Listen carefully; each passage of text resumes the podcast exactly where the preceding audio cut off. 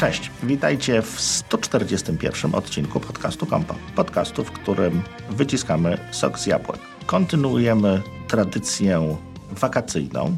I dzisiaj znów witamy Was w poszerzonym składzie, ponieważ naszym gościem jest Marcin Hinz. Dzień dobry, cześć i czołem. I poza tym standardowo Remek Rychlewski i Marek Telecki. Ostatnio Marcin był z nami w odcinku 40, teraz jest 141, więc nie jest częstym gościem, ale tym razem nie będziemy rozmawiali o zdrowiu, nie będziemy rozmawiali o sporcie, tylko będziemy rozmawiali o pasji, pracy, czymś pewnie pomiędzy Marcina, czyli o podcastingu, czyli taki trochę podcast o podcastach, natomiast chcemy trochę Wam przybliżyć, jak można zacząć nagrywać podcast, trochę opowiedzieć o tym, jakie są zady i walety nagrywania, no i podyskutować troszeczkę, jak, jak wygląda rynek podcastów w Polsce, na świecie, co się zmienia, bo Marcin jest tutaj osobą, która dość mocno siedzi, dość dużo podcastów składa. Tak jest, dokładnie. Bardzo się cieszę, że nie będziemy rozmawiali o sporcie, ponieważ z tym sportem u mnie ostatnio na bakier, więc akurat 100 odcinków minęło, fajnie, że jest zmiana tematu. No. E, a faktycznie no, zawodowo się tak u mnie potoczyło, że zmieniłem po 10 latach transport morski na, ja to nazywam nowe media, tak, czyli w tym przypadku akurat faktycznie na kwestie głównie audio, głównie podcastów. Mimo, a może to przez to, że wcześniej trochę z wideo się bawiłem zupełnie amatorsko. No jakby tak wyszło właśnie, że się zajmuję już od chyba pięciu lat tymi kwestiami audio, ale również też i kwestie wideo. Także my nagrywamy od trzech lat ponad, także my jesteśmy świetni, a Marcin jest wirtuozem. Tak, ale właściwie z tym podcastem to trochę jest tak, że, że każdy jest profe, znaczy profesjonalistą. Każdy mógłby tego tak poniekąd y, uczyć, kto przeszedł ten początek, najtrudniejsze, nie wiem, kilka, kilkanaście odcinków i wszystko wykonał sam. Bo te najważniejsze rzeczy jakby się robi raczej dość tak intuicyjnie, o i, i to raczej wychodzi dobrze. Może coś tam nie, może pewne rzeczy dałoby się lepiej zrobić, ale to jest detale jednak, a, a najważniejsze rzeczy się, jak się samemu przechodzi przez początek podcastu samemu, to raczej już te ogólne rzeczy się zna i można jakby później tam kolegom przy, przy piwie, czy przy czymś, czy koleżankom tłumaczyć, jak to jest z tym podcastem. Dokładnie, to może zacznijmy od jakiegoś takiego dekalogu podcastera. To, to, to, poczekajcie, poczekajcie, bo zanim zaczniemy, to trzeba, warto wspomnieć, że naszym sponsorem i patronem jest y, firma Synology. A ich produkty, wbrew pozorom, są bardzo przydatne w działalności podcasterskiej, bo przestrzeń dyskowa na pliki do montażu i gotowe, no jak najbardziej jest wskazana. Tutaj nawet użytkownikiem jestem już trochę lat. Akurat mam taki starszy sprzęt, kiedyś kupiłem. Jeśli ma 11 w końcu nazwy, to rok produkcji jest 2011 chyba. Zgadza się, tak. Taka jest ich nomenklatura, więc tak, mam taki starszy sprzęt, ale, ale faktycznie część osób, które gdzieś tak w tych, w tych mediach korzystają, studia na przykład mają własne Synology postawione gdzieś tam, bo na przykład czasami ktoś nagrywa w studiu y, podcast powiedzmy w Warszawie i jakby zamiast gdzieś wrzucać te pliki, to udostępnia ze swojego serwera, nie? Więc urządzenia są używane w tym. My też dość, dość mocno używamy, jeśli chodzi o archiwum, jest tego już kilka ładnych gigabajtów, ponieważ no ja jako rasowy chomik trzymam wszystkie pliki źródłowe. Ku pamięci zdarzało mi się już jeden odcinek remasterować. Mhm. No potrzebowaliśmy akurat kawałek jego. Ale jeszcze w Spatial Audio nie jest. Nie jest, nie jest, tak. Dostępny. Ale... Aczkolwiek, no wiesz, może kiedyś spróbujemy jakiś tam miks zrobić taki. Okej, okay. lecimy. Dobra, to lecimy do dekalogu, tak? Czyli najczęstsze błędy, które popełniają początkujący podcasterzy. Co byś o takiego mógł powiedzieć?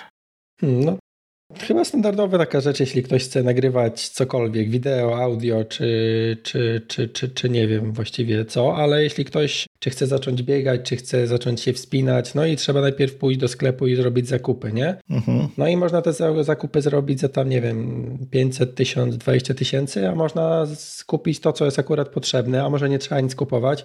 Więc kwestie więcej sprzętu niż talentu, to myślę, że na początek to jest jakaś tam dobra rada, czy, czy też dość częsty błąd, bo tutaj nie trzeba w przypadku podcastu się jakoś specjalnie zbroić, aczkolwiek na pewno warto zrobić taki zakup, aby na dzień dobry jednak jakaś ta jakość była, a nie, a nie była nagrana na przykład na, na, na, na jakichś słuchawkach, których przy okazji używamy do takich rozmów, jak my teraz na przykład odbywamy. Mhm. Więc po prostu jakiś mikrofon kupić 100-200 zł i, i to jest właściwie wszystko, co, co, co potrzebne, ale o tym później, domyślam się. Mhm. Cię rozumiem, to ten błąd taki, jak wspomniałeś, czyli więcej sprzętu niż talentu, y, czy on również mm, nie objawia się w ten sposób, że często ten dobór sprzętu i oprogramowania przytłacza i powoduje, że ta osoba sobie po prostu nie radzi, sobie robi właściwie problemy generuje, zamiast skupić się na materiale?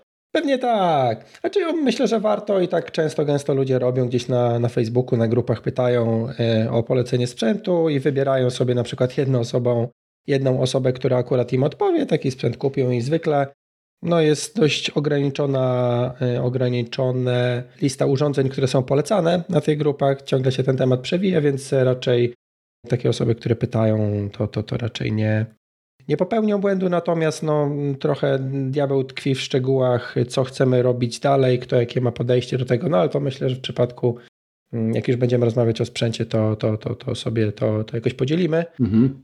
Inne błędy, no słomiany zapał ogólnie z rzeczami, które, które zaczynamy to... Problem trzeciego odcinka. Tak, siódmego, dziesiątego, już różnie, różnie jest ale w przypadku podcastu faktycznie jest trochę ten początek, że ten podcast trzeba nagrać, zgłosić.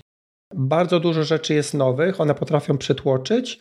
Natomiast jak już przejdziemy tak naprawdę przez pierwszy odcinek i zgłoszenie tego odcinka, no to już umiemy wszystko, tak? Tak y, jak mamy tą krzywą uczenia, no to wtedy już wiemy wszystko, bo zaczęliśmy tak. i dopiero później się okazuje, że nie. Natomiast jakby ten początek jest trudny, warto gdzieś tam podpytywać, prosić o pomoc ludzi, po to, aby ten, ten początek przejść i później już jest naprawdę fajnie, rozwijamy się, robimy fajne rzeczy. Inna, jeśli chodzi o najczęstszy błąd, to może, że nie do końca będę umiał o nim opowiedzieć, ale mm, kwestie motywacji, jakie ktoś ma motywacje. Warto sobie wymyślić, dlaczego w ogóle chce nagrywać. I tych motywacji może być dużo, bo to może być jakiś własny rozwój, chce spróbować, chce zobaczyć, jak to jest, chce poznać ludzi, tak, bo na przykład chce zapraszać osoby do podcastu, chce przy okazji poznać ludzi, na jakiś tam content marketing i tak dalej, i tak dalej. Dużym błędem związanym właśnie z tą słomianą motywacją jest to, że z tym słomianym zapałem, zapałem jest to, że nie mamy jakiejś takiej naprawdę mocnej motywacji. Nie wiemy, czemu chcemy to robić, tylko a tak, spróbuję. A z podcastem jest akurat tak, że przez ten trudny początek, jakby związany z technologią, czasami e, to jest za mało. Natomiast później, później już jest fajnie, miło. Chyba tyle, jeśli chodzi o te najczęstsze błędy. No może jeszcze wtedy na koniec taka techniczna kwestia, jeśli od razu zaczynamy z gośćmi, to, że nagrywamy się wszyscy na jednej ścieżce, a nie każdy osobno. I to już może takie trochę głębsza rada, czy trudniejsza, ale, ale jednak warto, aby każda osoba była nagrana osobno, bo jeśli na przykład mnie słychać ciszej, a RMK głośniej, to później jak mamy osobne nagranie, no to nie ma problemu z wyrównaniem tego, po prostu każdą ścieżkę równamy do jakiejś wartości, do jakiejś głośności i jak to miksujemy, to nagle wszyscy są równo. Zgadza jak mamy na jednej ścieżce to wyrównać, to jest albo bardzo dużo czasu potrzebne, albo dużo pieniędzy, ale ogólnie no jest ciężko. No dobrze, to, to skoro pewnie jeszcze jakieś błędy, błędy albo pomysły może wyklarują się jeszcze przy okazji, ale teraz idąc jakby za ciosem, chciałbym Cię spytać, bo wspomniałeś o tej motywacji, o tym wspomnianym zapale, bo to rzeczywiście jest, jest to poważny problem, tak? Zwłaszcza jeżeli to traktuje się, myślę, też podcast hobbystycznie, gdzie gdzieś powiedzmy trzeba później ten czas wynaleźć i ten czas robić na przygotowanie, żeby, żeby to zrobić czytelnie. I teraz kwestia taka, jaki według Ciebie, czy generalnie jakby należałoby wybierać między, chodzi mi o tę automatykę, czy lepiej skupić się na czymś niszowym, czy lepiej jednak pójść w coś bardziej popularnego? Bo z drugiej strony tworząc coś niszowego, ma się takie poczucie, że robisz coś bardziej wyjątkowego i wypełniasz pewną lukę, tak? Czyli, że, że generalnie tworzysz coś, czego, czego na rynku nie ma i w ten sposób powiedzmy, może ilość osób, którym pomożesz będzie mniejsza, ale jednak nie zostawisz ich na lodzie, natomiast tworząc coś popularnego, tak naprawdę trochę powielasz to, co robią inni. I to jest dużo łatwiejsze, przynajmniej pozornie, moim zdaniem, Natomiast na pewno łatwiej się wybić, bo też wydaje mi się, to jest kwestia odbiorcy, którego się trafi. Tak? Niektórzy są, to jest troszeczkę jak z pisaniem na blogu, że możesz napisać świetny artykuł, który będzie bardzo długi i wiele osób przez niego nie przebrnie, bo są przyzwyczajeni do czytania nagłówków i pierwszego akapitu. No i właśnie, tutaj wchodzi kwestia przyzwyczajeń tak naprawdę, bo można swoich widzów czy telników, czy, czy, czy słuchaczy przyzwyczaić do różnych rzeczy. No, dobrym przykładem jest, chociaż trochę zbyt często, no może teraz już nie, ale bardzo często był powtarzany jednak Michał Szafrański, który przyzwyczaił swoich ludzi do jakichś pogłębionych tekstów. No jak był za krótki, to wręcz ludzie byli zdziwieni, nie? Podobnie jest z podcastami. No jest, nie wiem, Wojtek Hera na przykład, który przyzwyczaił ludzi, że on gada 2-3 godziny, no i podejrzewam, że czy może bardziej taki międzynarodowy przykład Momencik, już sprawdzę sobie na liście tego, co subskrybuję, choć niestety nie słucham właśnie przez to, że, że takie długie są to treści. No bo tak, bo ze słuchaniem zwykle dochodzimy do takiego momentu, że, że tych podcastów jest więcej niż my mamy czasu, więc musimy dokonywać selekcji. Mhm. Tim Ferris, no i on też jakby nagrywa, wiesz, z jakimiś Schwarzeneggerami i innymi ludźmi mhm. nagrywa podcasty, ale też one są wielogodzinne, znaczy wielo, dwie, trzy godziny potrafią trwać. I do wszystkiego można kogoś przyzwyczaić. Natomiast pytanie było o co innego. Marek, jak mógłbyś przypomnieć? Która tematyka według Ciebie jest bardziej może perspektywiczna, albo lepsza, tak? Czy nisza, mhm. czy coś, czy tematy popularne? No tutaj trochę zależy to od tego, czy już coś wcześniej publikowaliśmy i tak dalej, bo na przykład jeśli weźmiemy jakąś gwiazdę YouTube'a, który teraz stwierdza, że odpala podcast, gwiazdę, znaczy gwiazdę, w sensie osobę, która ma jakieś już mhm. duże zasięgi, tak? No nie wiem, Krzysztof Gonciarz odpalał podcast, taki podcast, podcast stricte dość niedawno i no, no, też nie będzie wtedy rozmawiał o tematyce, nie wiem, tworzenia kontentu wideo, działania jakiejś agencji multimedialnej, czy tam nie wiem, o czym mógłby nagrywać, tylko no już takie rozmowy o życiu, o wszystkim, lifestyle, coś takiego, nie? Natomiast jeśli ktoś zaczyna w, w tym, no to mhm. Raczej sugeruje się, żeby zaczynać od niszy i jak się tę niszę w jakiś sposób zagospodaruje, no to wtedy gdzieś tam po, poszerzać. Czyli generalnie wyrobić sobie markę. Ja jestem przykładem. I potem ewentualnie no. troszkę zdywersyfikować, tak, tematykę.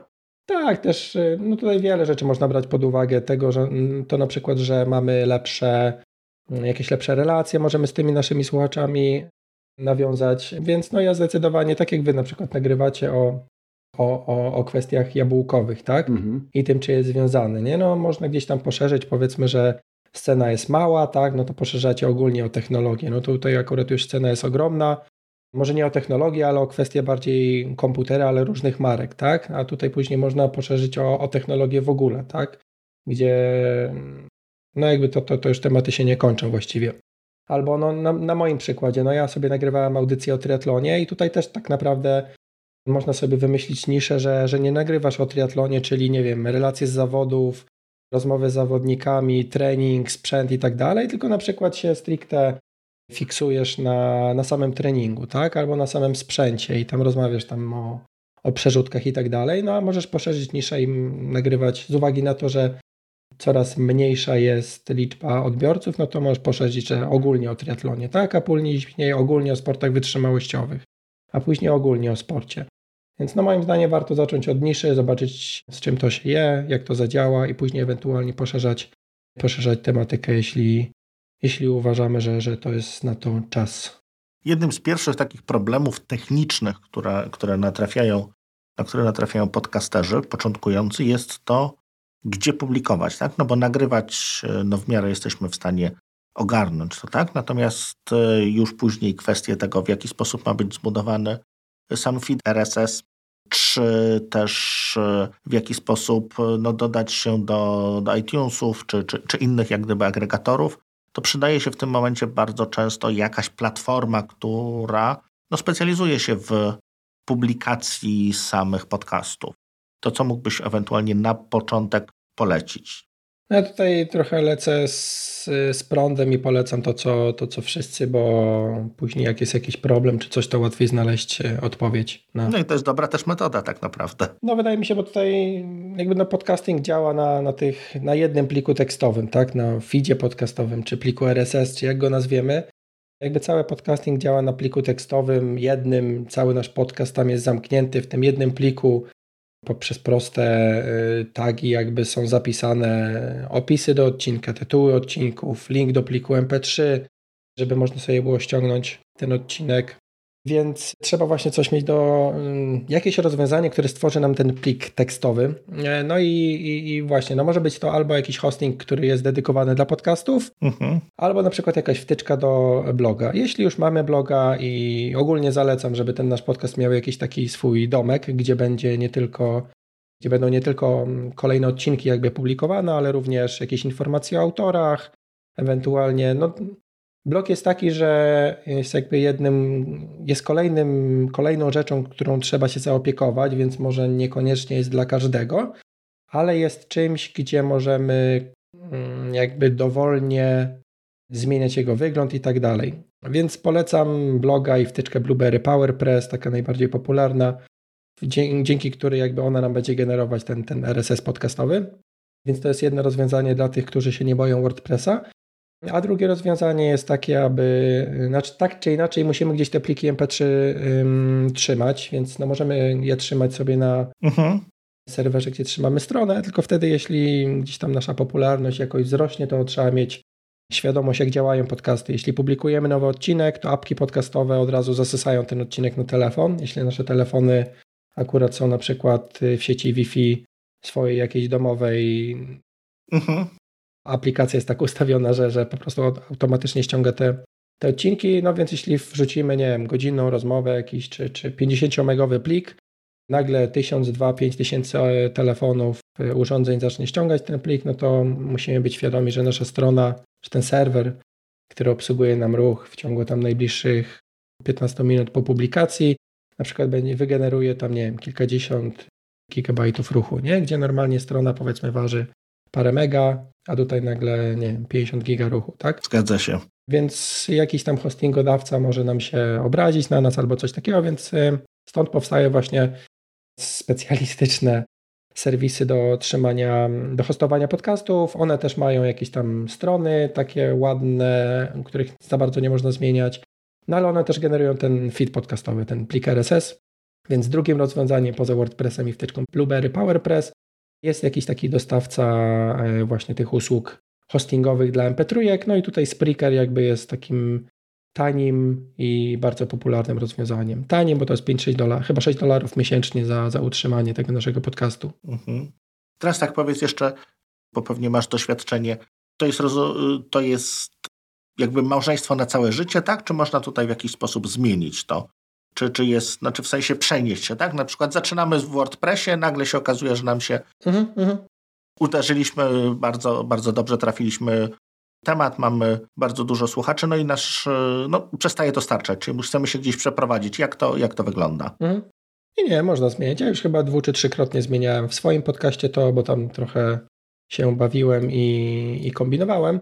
Jedna rzecz, która, która może boleć, to jest utrata, no zależy jak skonfigurujemy podcast, ale często, gęsto tracimy statystyki. I na przykład od 70 odcinka mamy nowe statystyki, więc na przykład Wiemy, ile osób ściągnie 71 i 75 i setny odcinek, natomiast nie mamy overall, tak? Jasne. E, wiemy, ile razy ktoś ściągnie odcinek czwarty, ale tylko od momentu transferu tych naszych plików na nowe, w nowe miejsce, nie? Więc to jest jeden taki ból, natomiast można to zmienić. E, jedna rzecz tylko jest w ogóle bardzo ważna odnośnie konfigurowania wszelkich wtyczek, czy hostingów, czy, czy innych rzeczy związanych z podcastem. I w sumie na to też Spreaker przynajmniej, bo tę platformę najbardziej znam, też stawia i, i sugeruje, żeby to zmienić, to jest e-mail, który wpisujemy jako e-mail autora podcastu.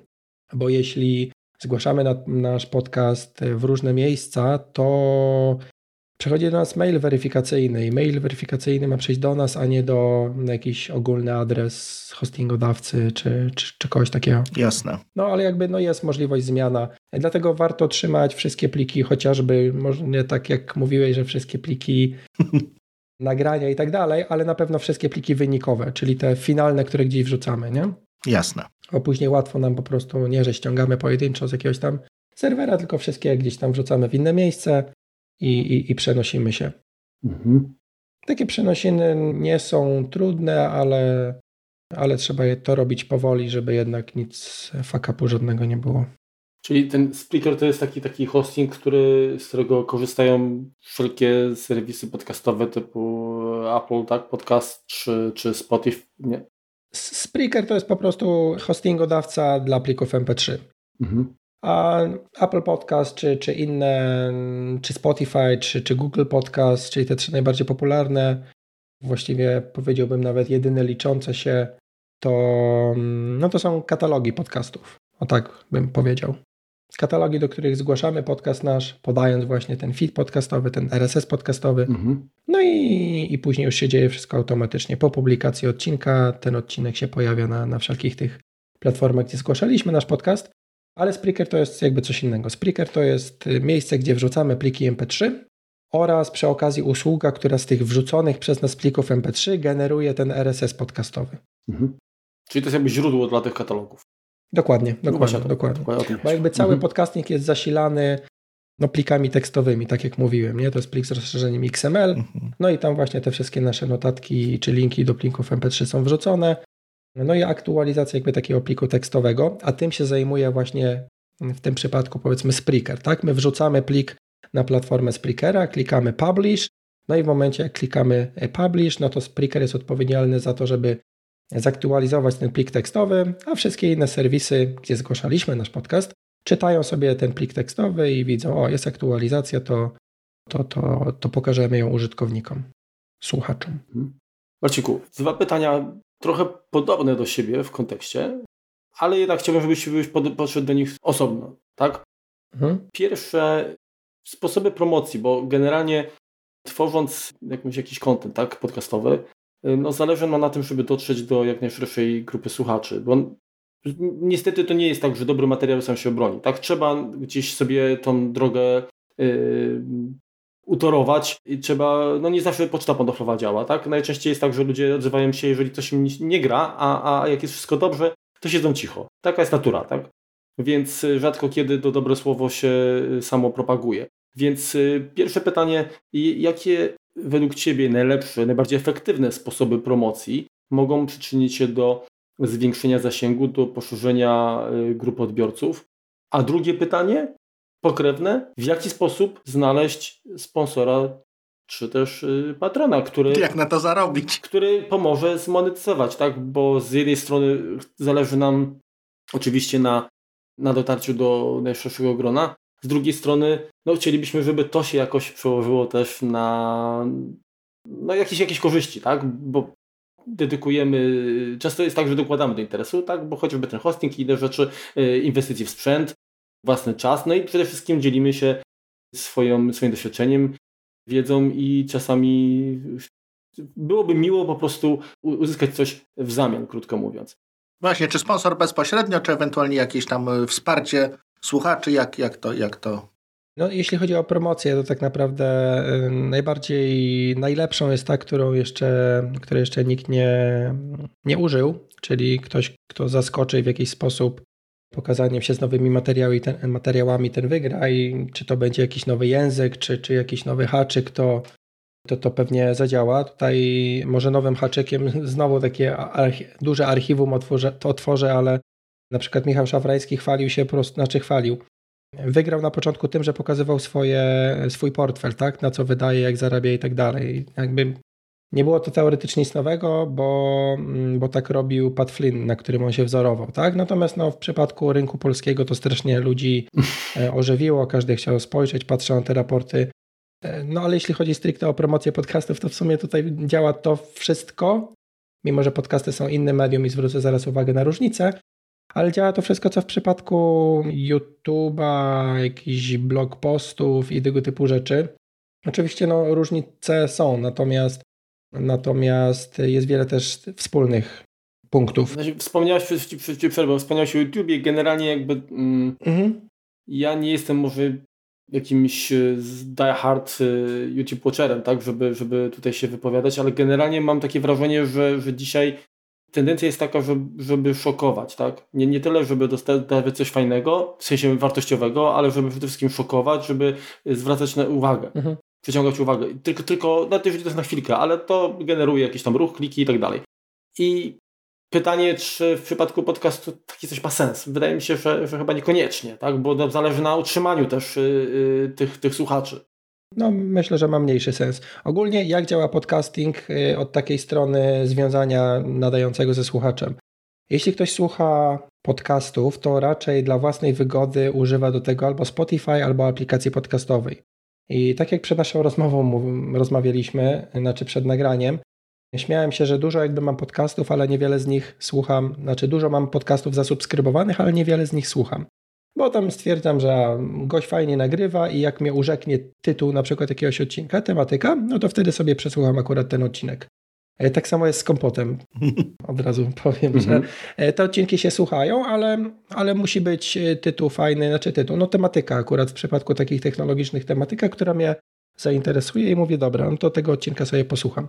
To nie jest, myślę, nic złego. Jak Natomiast nie, nie, wiesz, to my nawet tak z premedytacją robimy od samego początku odcinki tematyczne, po to, żeby nie zmuszać, mhm. żeby ktoś wyłapywał mhm. coś interesującego w całym odcinku, tylko... Właśnie, o tym, mhm. no. o tym też o tym też zaraz. Natomiast jak, jak, już ktoś zasubskrybuje ten podcast, to musimy coś raczej zepsuć albo musi minąć jakiś czas, że ta osoba naturalnie wypadnie, nie? Więc to związanie jakby nadającego z odbiorcą jest dosyć duży.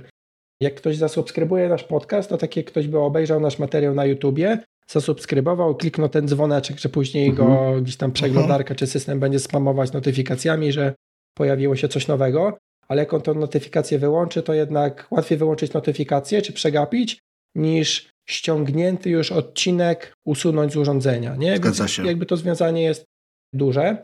Związanie jest duże, ale trudniej jakby doprowadzić kogoś do tego, że zasubskrybuje. Więc teraz na jakie mamy narzędzia? Ktoś do nas może trafić albo organicznie, albo poprzez jakieś takie aktywne nasze działanie. Żeby ktoś trafił do nas organicznie, no to musimy mieć cały proces ogarnięty, jeśli chodzi o drogę tego naszego kogoś, kto się zainteresuje sprzętem Apple'a do subskrypcji naszego podcastu, tak? Więc y, jeśli mamy na przykład jakiegoś WordPressa związanego z naszym podcastem, no to fajnie, żeby kwestie SEO jakoś tam były plus minus ogarnięte. Jeśli wrzucamy nowy odcinek, to fajnie, żeby tam była jakaś treść y, w poście związanym z tym odcinkiem, żeby no, jak ktoś tam będzie szukał jak nagrać na MacBooku podcast, tak, to żeby taka fraza mu wyskoczyła, znaczy, żeby wasz post wyskoczył z, po, tak, po, Jasne. po wpisaniu takiej frazy. Mhm. Więc y, to jest kwestia takiego organicznego dotarcia. Organicznie też można oczywiście dotrzeć, czy to poprzez Spotify, czy poprzez apki, więc tutaj trochę inaczej trzeba działać, bo po pierwsze, zgłaszając podcast, trzeba mieć y, dobrze rozkminione kwestie tytułu podcastu, y, autorów podcastu, opisu podcastu, I tutaj takie różne, jak sobie wpiszecie jakieś nazwy podcastów plus iTunes w Google, mhm.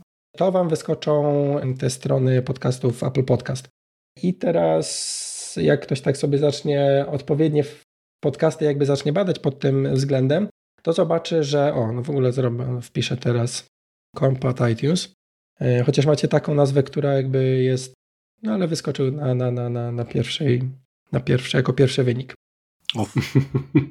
Więc y, tak, na przykład, a wpiszcie sobie na przykład finanse bardzo osobiste iTunes i zobaczmy, jakie są różnice, bo akurat Marcin Iwójc z podcastu Finanse Osobiste jest takim przykładem, o już widzę, że aż nie do końca, ale nadal pewne rzeczy są, przykładem, to zabrzmi negatywnie, ale tak nie jest, takiego spamowania jakby frazami czy słowami kluczowymi w różnych miejscach w których Apple nie zachęca, wręcz nawet mówi, że nie powinniśmy tam tego wrzucać, ale nie każe za to, przynajmniej póki co. Mhm. Więc jak otworzymy sobie stronę Marcina i Wucia, podcast Finanse Bardzo Osobiste, to zobaczymy, że tytuł podcastu u Was jest samo kompot. Mhm. No, Marcina jest Finanse Osobiste, dwukropek i no tak, różne tak. keywordy, tak? tak?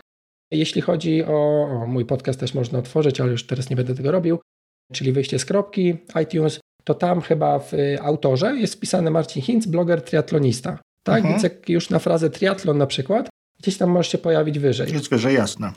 Więc y, opis oczywiście podcastu, żeby tam on był napisany dla kogoś, kto chce to przeczytać, ale też y, można jakieś tam keywordsy nawet na koniec po prostu luzem powrzucać, żeby, żeby ludzie trafiali na ten nasz, nasz podcast, nie? Inna kwestia oczywiście, no jeśli już ktoś wpisze tam, nie wiem, Apple czy sprzęt Apple'a w wyszukiwarce podcastowej, wyświetli nam się, jemu się kompot, no to żeby czy ta miniaturka, czy opis podcastu, no znowu opis podcastu, ale żeby to jakoś zachęcało, nie? Żeby on od razu wiedział, że, że to jest coś dla niego. No i później jak wejdzie, jak kliknie, stwierdzi, że ten kompot to jest dla niego, no to wyświetlą mu się ostatnie tytuły e, ostatnich, ostatnich podcastów, ostatnich odcinków. No i tu są różne e, szkoły, natomiast no ja zdecydowanie wolę z przyczyn zupełnie praktycznych. Mam nadzieję, że większość ludzi tak robi tak woli, żeby te tytuły coś mi mówiły, żeby one nie były jakieś odpięte totalnie, tylko żeby sam tytuł już mi mówił, o czym ten podcast, o czym, o, o czym ten odcinek jest, tak? Mhm. Więc tak jak odcinek 40 tu widzę mam otwarty, Zdrowie, wasza w gardła, zdrowie wasze w gardła nasze jest y, tytułem, który nie do końca mówi, co tam znajdziemy, ale, no, ale jakby z drugiej strony akurat jest klikalny, bo jest śmieszny, fajny, nie? Więc tu już może bez takiego nazizmu jakiegoś specjalnego, jeśli chodzi o, o to nazewnictwo stricte, żebyśmy wiedzieli, co jest w odcinku. Ja zresztą, no ale ja mam inne motywacje do tworzenia podcastu. A czy nie wiem, czy inne, bo w sumie nie wiem, jak są wasze, ale no ja, ja mam odpięte tytuły, typu rozmawiałem ostatnio o kursie związanym z triatlonem, bo tam jeden trener wypuszczał, no i wpisałem tytuł za hajs z triatlonu Baluj, który jakby nic nie mówi, tak, ale jest hajs, jest triatlon, no to może ludzie będą zainteresowani, o czym to będzie. E, no i żeby też jakby był taki lead do każdego odcinka, czyli te pierwsze zdania w opisie odcinka, żeby coś mówiły, jak ktoś nie do końca jest pewien, to żeby, żeby, żeby spojrzał. E, więc tak w sumie tylko organicznie powiedziałem, co można zrobić, żeby ten człowiek trafił do nas i zasubskrybował finalnie. Wszelkie aktywne kwestie promocji, no to tutaj chyba no, nic specjalnego nie mam do powiedzenia, no bo media społecznościowe, tak, a to jaki przekaz, jaki język stosujemy, jakie tam triczki, czy jacy jesteśmy, jakimi showmanami jesteśmy w tych mediach społecznościowych, jak umiemy pisać, no to jest już chyba zupełnie inna, e, inna tematyka. Natomiast no, media społecznościowe ogólnie, mailingi, zbieranie ludzi, ale akurat mail to jakoś niespecjalnie się sprawdzi, że będziemy zawsze tych naszych ludzi informować o nowym odcinku podcastu. No oni wiedzą, że my nagrywamy. To tak? samo im to wyskoczy w sumie. Może nie do końca. No, no, no. Natomiast y, no, w mediach społecznościowych gdzieś tam pewnie jakieś grupy tematyczne, ale też mądrze to robić. No, można jakoś monitorować na jakieś hasła internet i w momencie jak widzimy w jakimś narzędziu do monitorowania internetu, że się ktoś pyta, a jakiego MacBooka kupić, to ciach, tu wrzucamy od razu Mhm. Link do naszego odcinka, gdzie porównujemy nowości, tak, no ale to już jest taka trudna traca, bo to takie zbieranie tych subskrybentów. Takie łowienie aktywne, powiedzmy. Jeden po jeden, ale jakby trafiamy w potrzeby, a, a mówię, jakby no podcasty też takim, takim medium trochę są, że tak zbiera się mniej lub wolniej, ale jednak dość skromnie tych subskrybentów, ale oni z nami zostają dłużej. Więc może takie pojedyncze, takie aktywne szukanie też e, ma sens niż walenie po prostu gdzieś prawo lewolnikami, że jest nowy odcinek podcastu. Ja przez jakiś czas sobie robiłem po jednym kursie, taki jeden gość mnie zmotywował do tego, żeby do każdego linku, jak y, publikowałem nowy blog post z odcinkiem podcastu, dodawać kody UTM. I, i, I, to na tyle dokładnie, że per grupa na przykład, że wrzuciłem link na Facebooka do grupy tam Triathlon 1 mhm. i, i żebym wiedział później w analityce, że ruch pochodzi z grupy Triathlon 1, bo wrzuciłem też na tam 2 i 3, nie? No i się okazało, że jakby mm, masz grupę, gdzie jest tam, nie wiem, 5 tysięcy, 50 i 5 milionów ludzi, tak? No i z, z, grupy tam, już nieważne, która jest która, ale z jednej grupy masz 100 e, wejść, z drugiej 7, e, a z trzeciej 0, nie? I powtarzasz ten eksperyment 3, 5, 7 razy przez dwa miesiące, się okazuje, że po prostu dla 80% grup, tak, zasada Pareto, może tak na siłę, ale że dla większości aktywności nie warto strzępić w ogóle pióra, nie? Że, że, że warto to sobie odpuścić, skierować siłę gdzieś indziej, e, energię, e, no ale to też trzeba wiedzieć, więc e, więcej trochę energii trzeba poświęcić na to, żeby to sprawdzić, ale, ale finalnie jakby z biegiem czasu wiemy, co działa, co nie, dla naszych treści, dla danych społeczności i możemy się, się bawić w ten sposób na przykład. Oczywiście w ten sam sposób możemy sprawdzić, czy na Twitterze naszym na przykład to się klika, czy nie bardzo. Też najlepiej przez jakiś dłuższy okres czasu, czyli nie jeden odcinek, ale, ale powiedzmy miesiąc, dwa, czy na innych mediach. Mhm. No tutaj jakby jeśli chodzi o takie łowienie ludzi, to trochę wygrywa Spotify na Instagramie, bo na przykład jest taki jednym kliknięciem łatwo można opublikować jakiś tam wycinek z naszego podcastu, od razu z ładną grafiką i tak dalej. I w ten sposób y, łatwo przenieść kogoś do, do, do Spotify poprzez Instastory. A jeśli chcemy to zrobić samemu na przykład, a nie poprzez one click tak naprawdę, no to gdzieś tam trzeba się napocić. No w Overcastie jakieś... można coś zrobić w miarę prosto. Można wyeksportować. No, mhm. no, no, ostatnio też się dowiedziałem o tym, ale no wciąż jest to, trzeba wyeksportować, znaleźć wycinek, tak, wrzucić to, więc jest to mhm. E, trudniejsze, no ale, ale wciąż, wciąż można. Więc ogólnie mówiąc, media społecznościowe. Tak jak ktoś bardziej zawodowy podcast, jakieś HR-owe na przykład podcasty dosyć mocno przynajmniej w, poprzez, przez moje ręce dosyć mocno działają, to, no to tutaj oczywiście LinkedIn, a nie, a nie Facebook czy, no jasne. czy Instastory, nie? czy Instagram. A odnośnie sponsora patrona, bo to... To wy powiecie mi lepiej, bo ja nigdy nie miałem. znaczy, no miałem teoretycznie, ale, ale nie miałem takiego długoterminowego, nie? Mhm. E, natomiast jak patrzę na tę scenę podcastową, no to to nie działa ogólnie. Znaczy to działa dla wybranych. Po pierwsze, żeby mieć sponsora, to, to, to, to już pierwsi są wybrani, bo mało jest takich z mojej wiedzy realizacji. Mhm. Zarabianie to bardziej poprzez dodatkowe jakieś usługi, konsultacje, kursy, produkty online e, się odbywa, a podcast jest stricte taki... Koszulki, kubeczki, cały ten taki... O. Nie wiem, czy na tym się zarabia. Ale powiedzmy. E, natomiast na czymś dodatkowym, a podcast jest mhm. jakby content marketingiem w tym przypadku. A jeśli chodzi o patronów, no to tutaj znowuż trzeba mieć dość dużą grupę odbiorców i oczywiście to działa, ale to też trzeba umieć zrobić i jeśli chodzi o Patronite i jakby kierowanie tam ruchu, to ja zupełnie się nie znam, bo próbowałem i to nie wyszło. Ale tutaj jak się podpatrzy, e, Radek Budnicki na przykład sobie radzi w ten sposób. No oczywiście są panowie z radia, którzy przeszli. No to jest inna liga troszeczkę. To jest jakby no ktoś, kto miał przez ileś tam, nie wiem, naście pewnie lat zbudowaną publiczność i nagle ogłasza, że jeszcze w przypadku jakichś emocji, tak, że odchodzi z, z radia i przechodzi, będzie podcasty robił, no to jest jakby trochę inne wejście w ten, w ten, w ten Patronite, tak? Zgadza się. Dobrze. To może teraz lecimy dalej, czyli też powiedzmy dwa pytania troszeczkę powiązane ze sobą. Jak często publikować podcast? Czy, czy to ma być co tydzień, co dwa, czy po prostu jak nam się zachce? I ewentualnie trzecie, no ile powinno trwać nagranie, no bo są, są zwolennicy nie wiem, podcastów godzinnych, są zwolennicy podcastów im dłużej, tym lepiej. Są tacy, którzy lubią takie 15 minut w pigułce. Co według Ciebie jest jak gdyby najlepszą długością? Ja bym, te, te, te dwa pytania są jak najbardziej powiązane. Ja bym jeszcze trzecie związane z motywacją y, do tego podpiął albo z wiedzą, ile w ogóle produkcja podcastu zajmuje. Y, że to nie jest tak, że się na godzinę teraz spotkamy i po godzinie już jest robota zrobiona. Ale odpowiadając krótko na, na, na te dwa pytania, to po pierwsze, im częściej publikujemy, tym moim zdaniem te treści powinny być krótsze.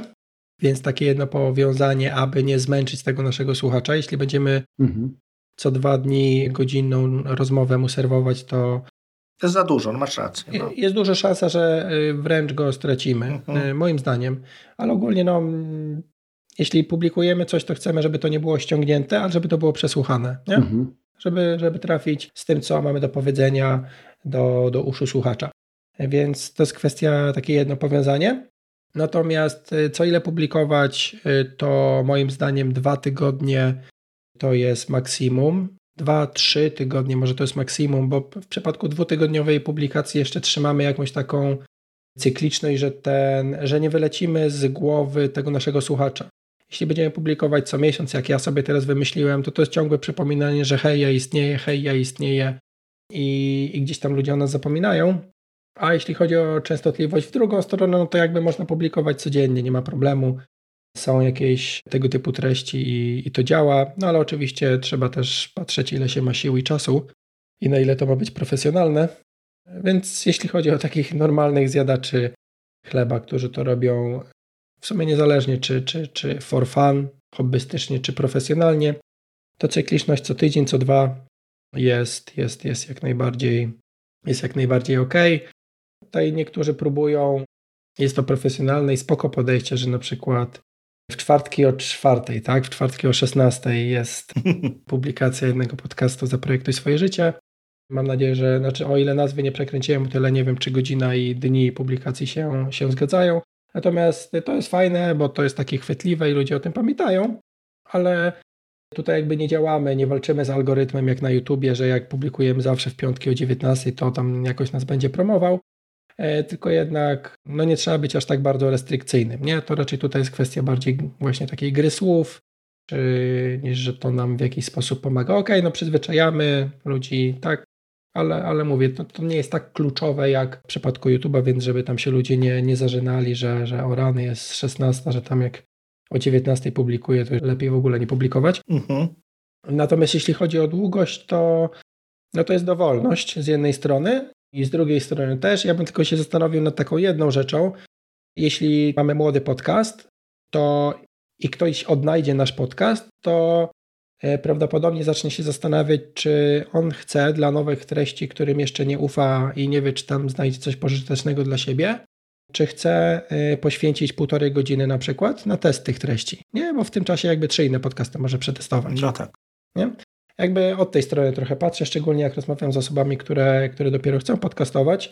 Natomiast później, jak już e, mamy jakąś grupę mm, odbiorców, grupę słuchaczy, 100, 200, no to tam zależy od, e, od niszy tak naprawdę, bo dla, dla jednej osoby 100 osób to już będzie właściwie sufit, a dla innej osoby 500 to będzie dopiero początek. Mhm. I to nawet nie jest kwestia z zasięgami naszymi, ale ogólnie z wielkością niszy. No, więc tą długością to jest, to jest bardzo różnie. No, wiadomo, że trochę jak zaczęło się teraz pojawiać więcej podcastów przez ostatnie dwa lata, jak Spotify zaczęło działać mocniej w, tym, w tej branży, to e, długość średnia podcastu się, odcinka podcastu się skróciła, się zmniejszyła, tak bardziej z godziny do pół godziny, bo zaczęło więcej treści powstawać. Mhm.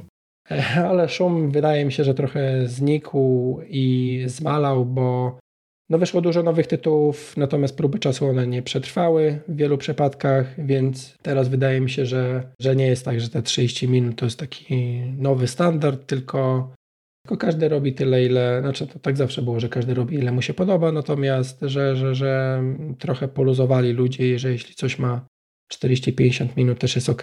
Myślę, że takim krytycznym momentem jest ta godzina, kiedy ktoś już patrzy, że o rany godzina, bo jakby nie jest przyzwyczajony do tego, że to tyle będzie trwało, nie? Czyli generalnie co, jeżeli sytuacja jest taka, że powiedzmy tego czasu mamy troszeczkę mniej i zapowiada się jakaś dłuższa przerwa, to warto nagrać nawet krótszy taki kwadrans, powiedzmy 15 minut odcinek po to właśnie, żeby gdzieś tam e, przypomnieć się i, nie wiem, powiedzmy zapowiedzieć że na przykład co, co czeka wkrótce, niż zrobić taką długą, powiedzmy miesięczną przerwę? Myślę, że warto. W ogóle widzę teraz ludzie zaczynają fajnie kombinować z formatami. Na przykład mają, tak jak teraz prowadzimy długą rozmowę, tak, a mhm. E, później jako przecinek, krótszy odcinek jakiś e, publikują, robi tak, no właśnie wspomniany Zaprojektuj swoje życie, robi tak e, w Bo czemu nie, Krzysiek Kołacz, gdzie jakieś tam swoje przemyślenia wrzuca między wywiady dłuższe. Więc jakby jeśli uważamy, że nie publikujemy raz na trzy tygodnie i chcemy jakoś to tam trochę zagęścić, no to umówmy się na rozmowę tylko raz na miesiąc. Mhm. Ale po dwóch tygodniach, jakby, żeby każdy, znaczy, żeby jakiś dodatkowy format w to wpleść, nie? Może krótszy, wymyślić jakiś pomysł po prostu na to mieć, nie?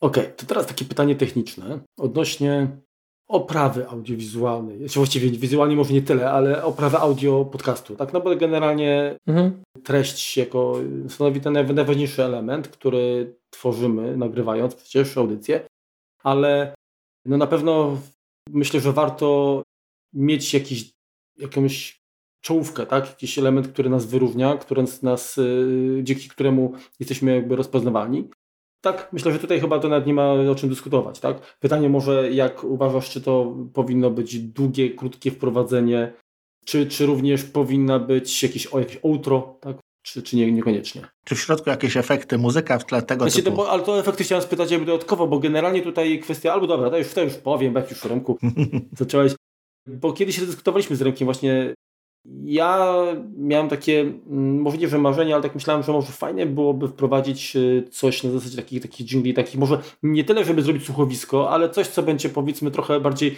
tak pod emocje komentowało, wtórowało jakby temu, co mówimy. Natomiast y, tutaj Remek mi uświadomił, że już wiele osób y, słucha podcasty często szybciej, nie, nie w, mhm. w takim normalnym czasie, więc te efekty, one po prostu by brzmiały no, raczej kuriozalnie i to mogłoby popsuć jakby ten, ten odbiór, zamiast go wzbogacić. Więc y, no, mhm. także jak, jak się do tego pytania byś ustosunkował? Co według Ciebie warto, żeby nie przedobrzyć też, nie? No ja bym rozdzielił trochę, jakiego rodzaju podcast nadajemy. Jeśli nadajemy podcast typu talk show, gdzie jest jakaś rozmowa intensywna, to ja bym tego nie psuł po prostu w żaden sposób, żadnymi dźwiękami i tak dalej. Zresztą często gęsto ludzie się gubią w tym, że o teraz nacisnę dźwięk i jakby zapominają, że był jakiś fajny flow rozmowy, czy tracą sami jakieś takie zaangażowanie w rozmowę.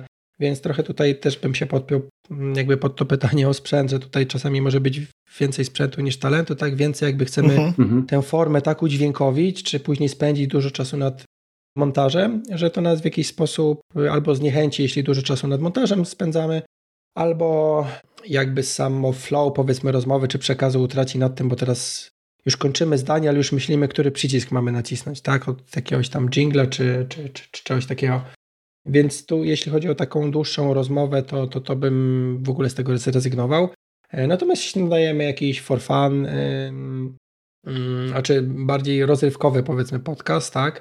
No to myślę, że tutaj pewne rzeczy wręcz można zżyć, nie czy dobrze po polsku powiem, ale zżyć naszych słuchaczy z pewnymi efektami dźwiękowymi, że rozmawiamy z ludźmi, ale gdzieś tam mamy jakieś takie jingle typu śmiech z puszki albo jakieś tam oklaski drętwe, uh-huh. czy, czy coś takiego, gdzie serwujemy to ileś razy w trakcie odcinka, nie? I jakby wtedy, wtedy to jest jakiś tam element, powiedzmy, naszej formy, naszej, naszego podcastu. Trochę nastraje słuchacza, to jak w sitcomie, tak? No, no, no, no, no. Ale nie wiem, jeśli nie robimy pełnego takiego no słuchowisko to jest w ogóle duże słowo. Jeśli nie robimy czegoś takiego jak w kryminatorium, tak? gdzie w ogóle jest podział na ileś głosów, gdzie jest scenariusz do każdego odcinka, e, gdzie jest pełne udźwiękowienie, no to moim zdaniem te jingle takie są trochę e, pasują jak tam komuś siodło że, że to średnio, średnio działa, chyba że właśnie no, lubimy takie rzeczy, ale to też ze sprzętem się dobrze czujemy ze wszystkim, że to nie będzie takie creepy, tylko to będzie takie przemyślane, e, fajne w punkt. Mhm. No, no to możemy zrobić z tego jakiś tam punkt naszego, naszego podcastu, że po prostu takie rzeczy u nas się dzieją, nie? A jeśli chodzi o samo intro czy outro, to w przypadku intro ja mówię, nie wiem czy to jest poprawne, ale e, dla mnie intro jest czymś takim trochę przedłużeniem opisu podcastu, bo opisu, tytuł podcastu to pewnie jeszcze ktoś tam przeczyta, ale opis to już niewiele osób. Więc to intro to jest coś takiego, co nowego słuchacza poinformuje, o czym ten podcast jest i upewni, czy on chce lub nie chce tego słuchać. A tego słuchacza, który słucha już tam setny odcinek wasz, to nie zamęczy, czyli będzie odpowiednio krótkie. Nie? Mhm. Czyli to będzie kilka, parę zdań, kilka, kilkanaście sekund łącznie z muzyką, jeśli chcemy i tyle. A outro stałe, outro stałe, jak widzę, słucham już którąś tam, któryś tam raz to samo, to a mam akurat telefon wyjęty, no to kliknę next, czy tam mhm. plus 15 sekund, czy coś takiego, więc raczej outro to bym za każdym razem własny pomysł jakiś tam wrzucał, że, że, że teraz, znaczy, żeby jakieś jedno call to action wrzucić, ale zawsze niech ono jest jakoś tam wplecione w to, co chcieliśmy powiedzieć na koniec, nie? Więc stałe outro, no mhm. nie wiem, no można tam jakiś zbiór wielki zrobić, że gdzie odsyłamy ludzi. Można, nie trzeba, jak, jak komu się podoba. Nie mówię, że to jest złe lub dobre, a raczej jak komu się to widzi. No jak wiesz, u nas to tym autem to raczej są bloopersy, które często się zdarzają. Nie zawsze a, nie, to są... w ogóle inna. Może są hmm. y, zawsze wyjątkowe, ale czasami chyba zdarzają się perełki. Nie, no to faktycznie, to jest akurat spoko, nie? Bo u was też to słyszałem, y, y, oprócz was też to słyszałem u y, Razem Lepiej na przykład. I to też tam im fajnie wychodzi. Sebastian i Judyta. Polecam. Jeśli ktoś na przykład też chciałby się pouczyć nazewnictwa odcinków, jak je robić, żeby się klikały i słuchały, to też polecam ten ichny podcast jako taką inspirację to tak krążymy, krążymy dookoła tego sprzętu, to może właśnie powiedz, już tak ciurem, tak? Jaki sprzęt? Komputer, mikrofon, jakieś tam peryferia, jakieś inne dodatki, co, co do nagrywania, tak powiedzmy na początek, żeby no nie przepłacić, a, a żeby to miało jakiś maksymalnie powiedzmy maksymalną wartość za minimalną ilość pieniędzy. Tak? Możesz ewentualnie oprzeć o sprzęt, który sam zakupiłeś, posiadasz, korzystać, bo pewnie, pewnie testowałeś różne rozwiązania i ten, który Ciebie się ostał, musi się czymś wyróżniać.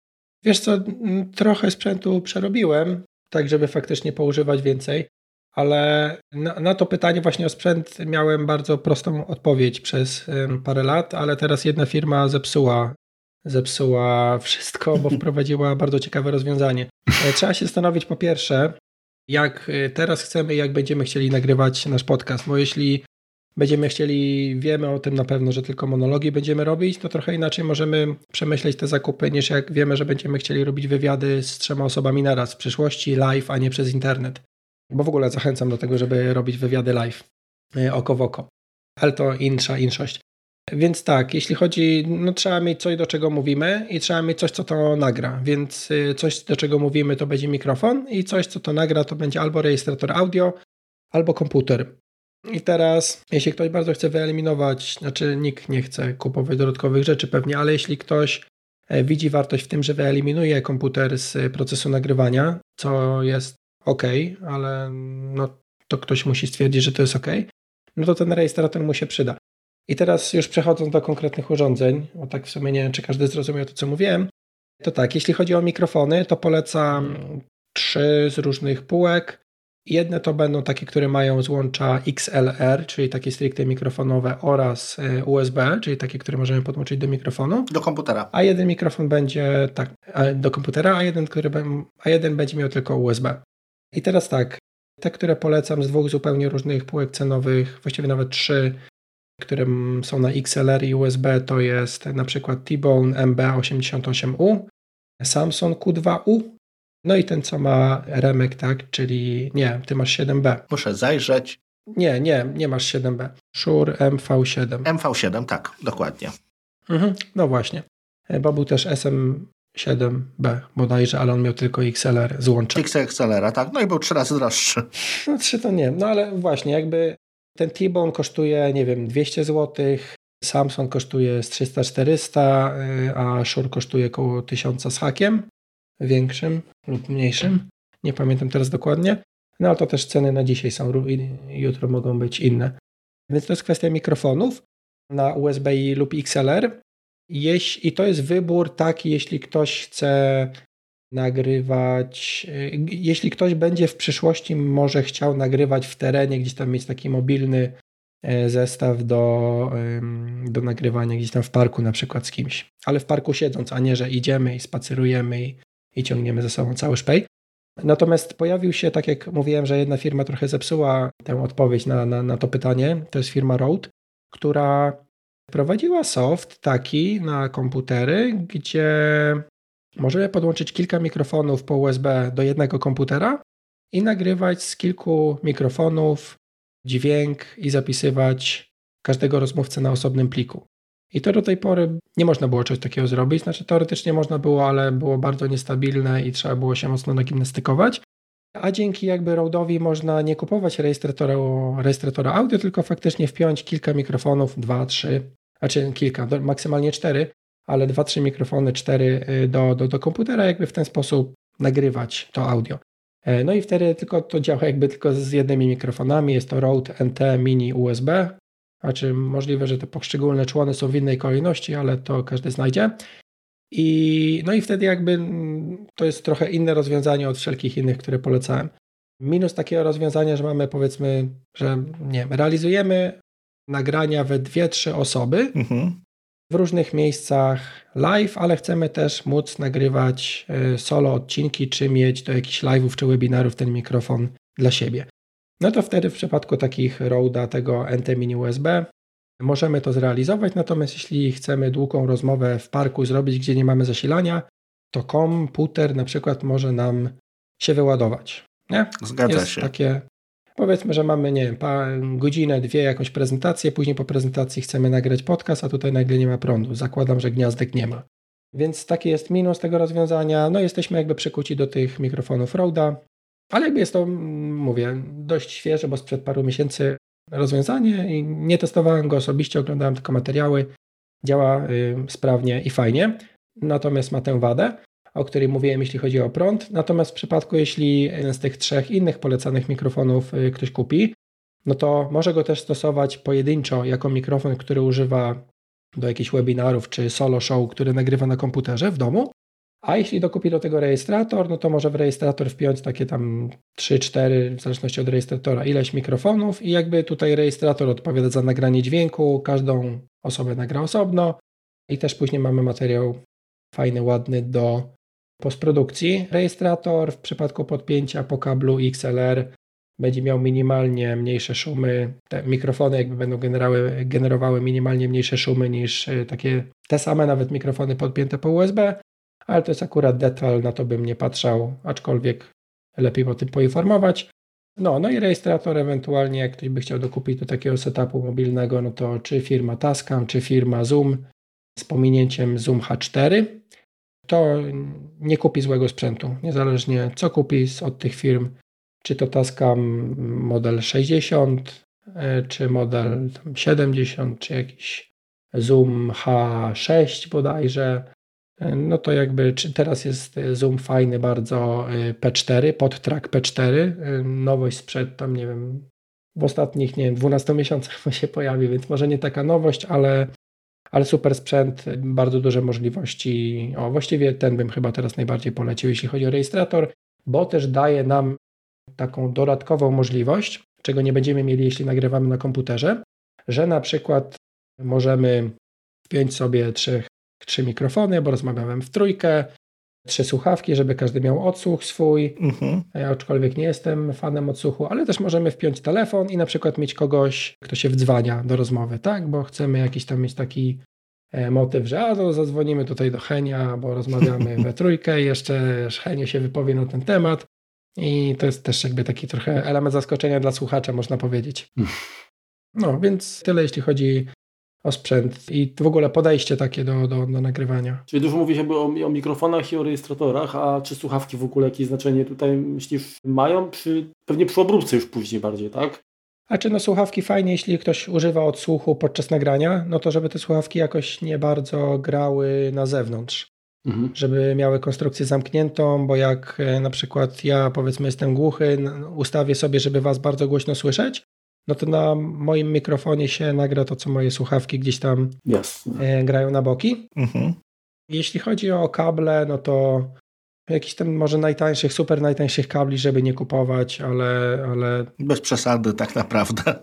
Nie, nie ma co przesadzać. Bardziej jeśli chodzi o kable XLR, jakby ktoś chciał w tę stronę iść, czyli żeby mikrofony wpinać do rejestratora audio poprzez te kable mikrofonowe, to żeby pomyśleć, jakiej długości kable potrzebuje żeby nie nosić dwóch 10-metrowych, czy trzech 10-metrowych kabli, czy 30-metrowych e, w plecaku, bo jakby wrzucimy do plecaka kable i już na mikrofony na miejsce nie wystarczy.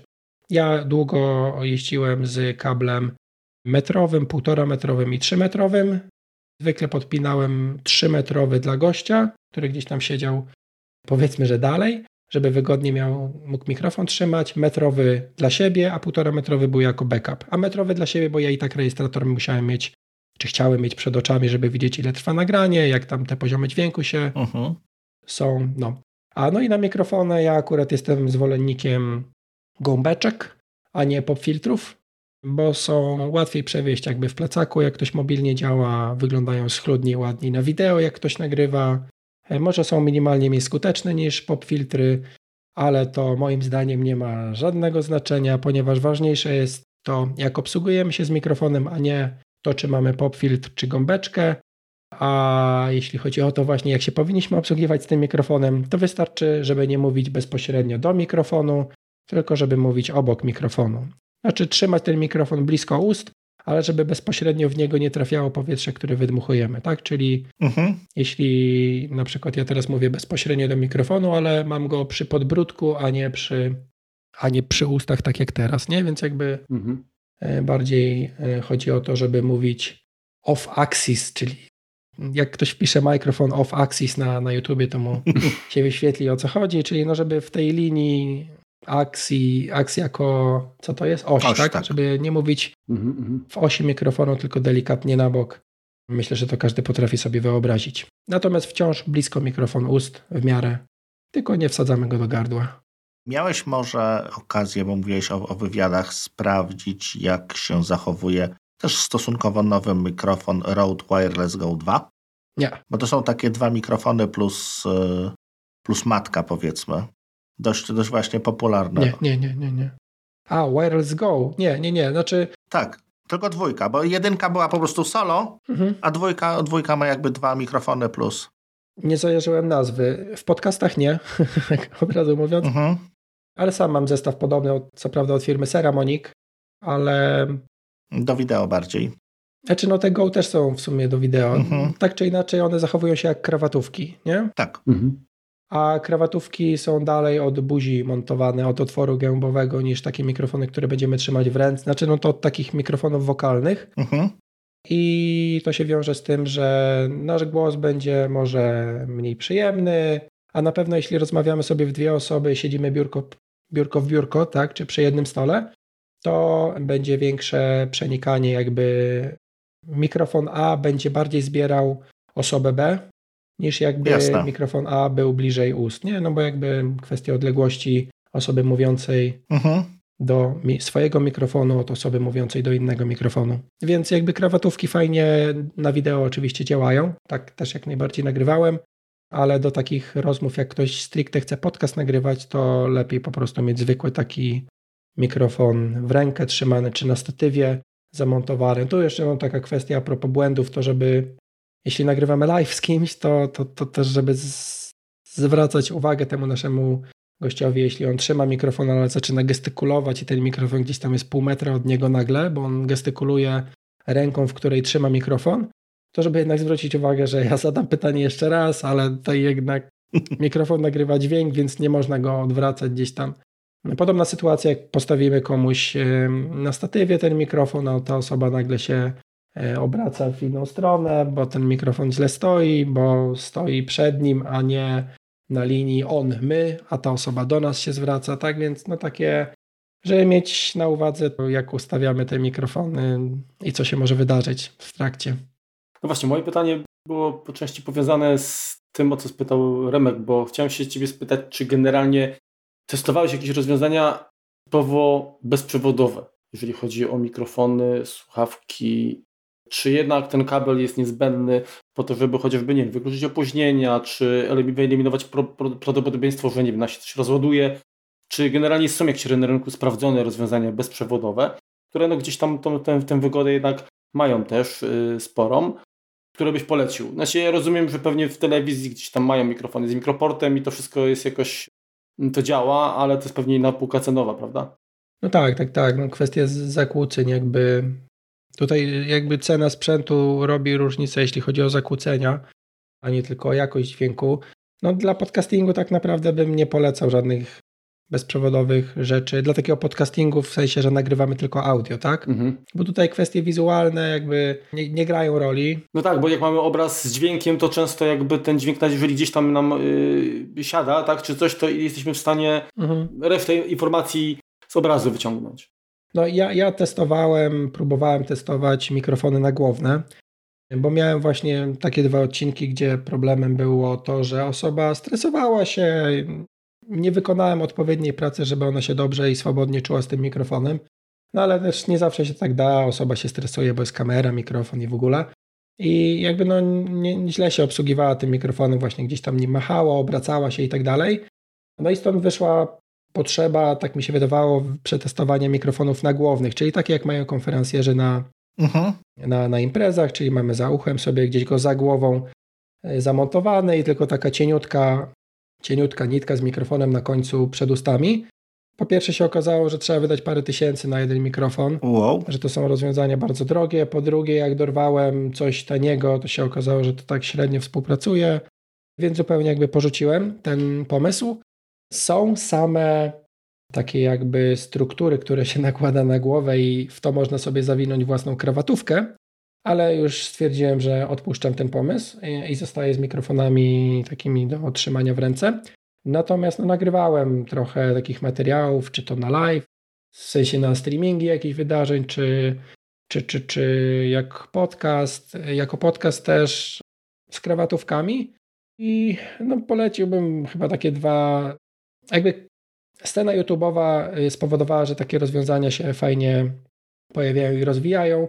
No ale poleciłbym chociażby ten zestaw od Roda, ten Wireless Go. Mhm. Bardzo fajne rozwiązanie. Ja akurat po zrobieniu doktoratu na YouTubie z tego typu rozwiązań kupiłem Ceramonic Blink 500, to się nazywa Pro B, 2 taka jest pełna nazwa. Ceramonic Blink 500 Pro B2. I akurat y, zarówno Pro, jak i B2 E, lub któryś z tych parametrów w nazwie ma dużą różnicę, ponieważ była wersja, była wersja pierwsza, a wersja druga jest lepsza pod wieloma względami. I tak jak w Rode Wireless, Wireless Go jest jakby sam ten, ta kostka jest, ma w sobie mikrofon, bo chyba tak jest w Go, ale można też w nią wpiąć krawatówkę. tylko że sama kostka w, Sera, w Ceramonic jest trochę większa, ale jakby pod względem nie wiem, wytrzymałości na bateriach 8 godzin wytrzymuje, więc nawet jeśli chodzi o jakiś event, to to ogarnie.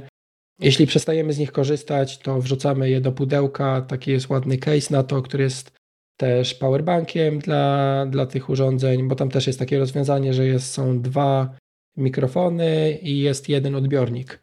E, no i tego typu rozwiązania w Rode jest tak samo, z tego co, co wiem, mają takie możliwości, że jeśli jedna osoba mówi, no to możemy ją ustawić jako mono, jeśli dwie osoby mówią, to możemy je ustawić jako dwa razy mono, czyli jeśli robimy na przykład stream, no to z obu tych mikrofonów będzie trafiał dźwięk do obu słuchawek odbiorców, tak? A jeśli nagrywamy podcast, to możemy ustawić to nagranie jako stereo, że po prostu z jednego mikrofonu będzie na prawy kanał, z drugiego na lewy.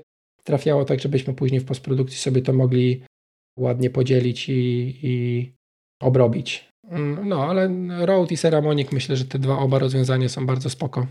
Ale mówię to w przypadku, jeśli ktoś nagrywa wideo i chce, żeby pozbyć się tego, tych mikrofonów jakby z planu, ale w wielu przypadkach myślę, że to, to, to, to nie jest jakieś wielce straszne, że stoją jakieś tam ramiona, statywy czy coś takiego. No bo i tak mówimy o, o rozmowie, nie wiem, dwóch, trzech osób, mhm. nie? I, I tak raczej się ludzie przyzwyczaili do tego.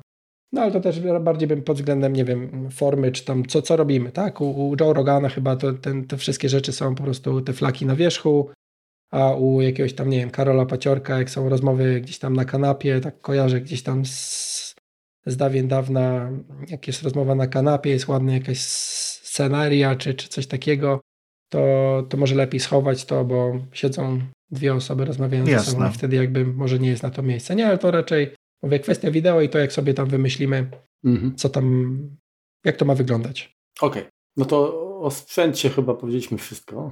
To teraz kwestia softu, może będzie mniej, no bo de facto jest kilka problemów, tak? Czym nagrywać, jak nagrywać, czyli jakie parametry. No i czym składać. No to właśnie, i czym składać. I co tutaj byś polecił? No ja od początku używam rozwiązań od Adobe i to jest drogie, więc nie czy to można polecić. Więc korzystam z Adobe Audition. Plus rozwiązań od Adobe jest takie, że są trzy suwaczki i jakby te suwaczki rozwiązują problemy, które gdzieś tam mogą się pojawić w innych programach i znaczy problemy. Trzy suwaczki rozwiązują nam kwestie jakości dźwięku, a, a nie musimy się tam kształcić z jakichś działania, jakichś kompresorów czy czegoś takiego w innych programach. Więc jeśli chodzi o czym nagrywać, czym, czy, czy, czym edytować, no to ja używam Adobe Audition. Aczkolwiek no, nagrywam bardzo rzadko na nim. Dzisiaj nagrywam, ale no, raczej używam rejestratora, jeśli nagrywam gdzieś dźwięk. Nie korzystam z komputera do tego. Jeśli. No, a, no dobra, tylko jeśli chodzi o nagranie samego dźwięku, no to Audacity jest równie dobrym programem, tak naprawdę, tyle że dużo prostszym i za darmo. Natomiast w przypadku edycji to Audacity już raczej bym nie polecał, bo jest bardzo toporny i, i brzydko składa, bo wszystkie cięcia po prostu będzie gdzieś tam nam słychać, a w montażu chodzi o to, żeby ciąć, cięć, jak gdzieś tam ktoś coś wycina, to żeby nie było słychać. Mm, I tutaj bym prędzej polecił jakieś rozwiązania. Nie wiem, no na Maca może być nawet GarageBand, na a taki o, multiplatformowy to może być na przykład można w DaVinci Resolve, chociaż to jest do wideo i to jest Combine i nie na każdym komputerze zadziała. A może być taki program, który się nazywa Presonus Studio One Prime, tak to się chyba nazywa. Znaczy od firmy Presonus, a program się nazywa Studio One w wersji Prime, bo wersja Prime jest darmowa. Może też nie specjalnie zachęca on wyglądem, ale jest darmowy i jest o wiele lepszy od Audacity. Z tego powodu, że w Audacity jak mamy dwie ścieżki na przykład i chcemy jedną przyciąć gdzieś w jakimś momencie, to ta jedna nam się dosunie, a druga się nie dosunie i mamy już rozsynchronizowane nagranie. Ogólnie Audacity polecam, jak ktoś chce siebie nagrać, natomiast do niczego innego jakby nie bardzo. No do nagrania to i, i sam QuickTime w sumie się sprawdzi, tak? Natomiast no właściwie tak. No, no, jeżeli no. mówimy o obróbce, no to rzeczywiście wtedy faktycznie jakaś automatyzacja śladów to, to, już, to już musi być, tak, żeby było. A Remku, bo ty stosujesz rozwiązanie takie styczkami, tak? Znaczy tak, składa, składałem, znaczy tak, ja na początku składałem rzeczywiście Audition i rewelacyjny ma na przykład levelator. czyli wyrównywanie poziomów, super, super to działało. Mhm. Natomiast no, przeniosłem się z racji tego, z racji trochę ceny, na jedno, czy głupio to zabrzmi, ale wolałem po prostu raz zapłacić, tak? Po prostu przeniosłem się na Logica, mhm.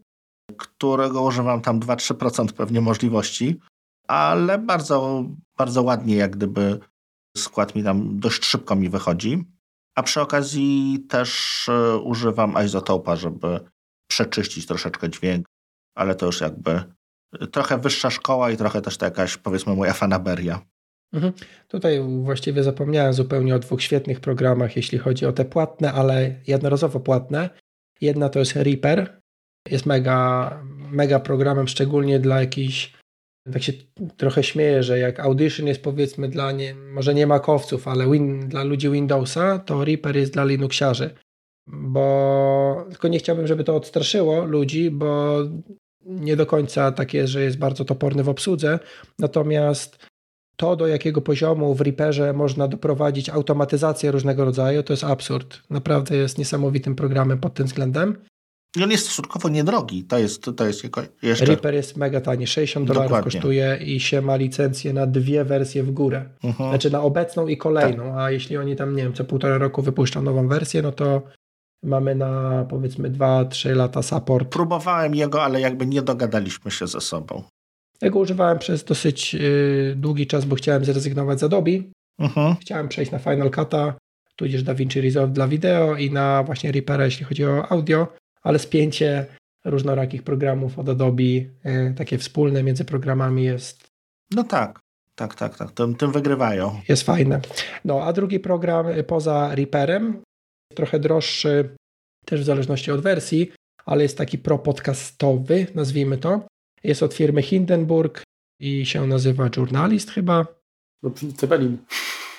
E, Hindenburg Journalist, tak, tylko że właśnie tutaj, tutaj Marka Raka by trzeba było się zapytać, którą wersję kupić z Marka Raka z podcastu Radiogram, bo ja tego programu nie używałem, tylko widziałem możliwości i, i wydaje mi się, że, że ta najtańsza wersja, która tam kosztuje chyba 200-300 zł, że Reaper po prostu będzie lepszy, natomiast jeśli ktoś chce około 1000 wydać, to chyba ta droższa wersja e, Hindenburga Journalista jest, jest, jest, jest przyjemniejsza, że tam wiele rzeczy też jakby się dzieje automagicznie i, e, i działa bardzo sprawnie. Mm, więc tyle jeśli chodzi o, o, o, samą, o, sam taki soft, wydaje mi się. No i... A to jeszcze ci, ci, Ciebie spytam, bo swego czasu wydaje mi się, że Apple chyba dosyć mocno promował właśnie GarageBand jako, jako e, taki kombajn do, do, do składania publikacji podcastów wręcz.